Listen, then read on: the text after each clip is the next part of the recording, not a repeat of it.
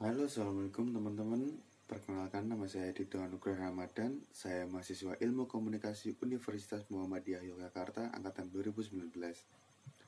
Jumpa lagi di podcast Troin yang kali ini akan membahas tentang jenis-jenis lembaga penyiaran yang ada di Indonesia. Lembaga penyiaran yang biasa ditemui di radio atau di televisi memiliki berbagai macam jenis. Kita memang harus mengetahui jenis-jenis lembaga penyiaran agar kita tuh bisa bedain perbedaan dari lembaga-lembaga tersebut. Dikutip dari pikiranraya.com melalui akun Instagram Kementerian Komunikasi dan Informatika di @kemenkominfo ada empat jenis lembaga penyiaran yang ada di televisi dan radio.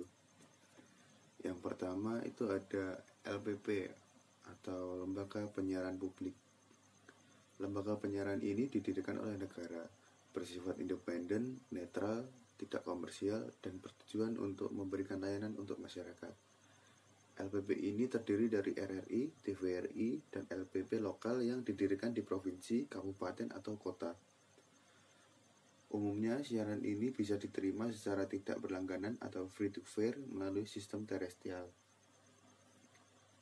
Siaran LPP menjangkau seluruh wilayah negara Republik Indonesia secara berjaringan dengan stasiun-stasiun penyiaran lokalnya.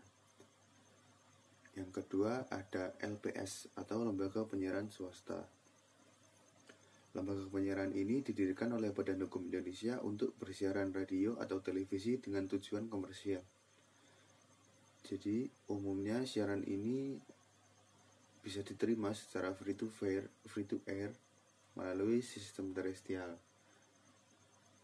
dan siarannya dapat diselenggarakan secara berjaringan dengan LPS-LPS anggotanya di berbagai daerah. Selanjutnya yang ketiga ada Lembaga Penyiaran Berlangganan atau LPB. Lembaga penyiaran ini didirikan oleh Badan Hukum Indonesia untuk menyelenggarakan jasa penyiaran berlangganan dengan tujuan komersil. Eh, siarannya menggunakan sistem satelit, kabel, atau terestrial dengan menawarkan variasi program siaran yang dapat dipilih oleh pelanggannya. Yang terakhir ada LPK atau Lembaga Penyiaran Komunitas.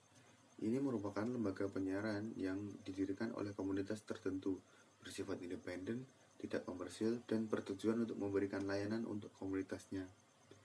Umumnya, siarannya bisa diterima secara free to air, melalui sistem terestrial dengan jangkauan wilayah siaran yang terbatas. Itulah tadi teman-teman empat jenis lembaga penyiaran yang ada di Indonesia. Terima kasih sudah mendengarkan podcast ini. Semoga dapat bermanfaat. Wassalamualaikum warahmatullahi wabarakatuh.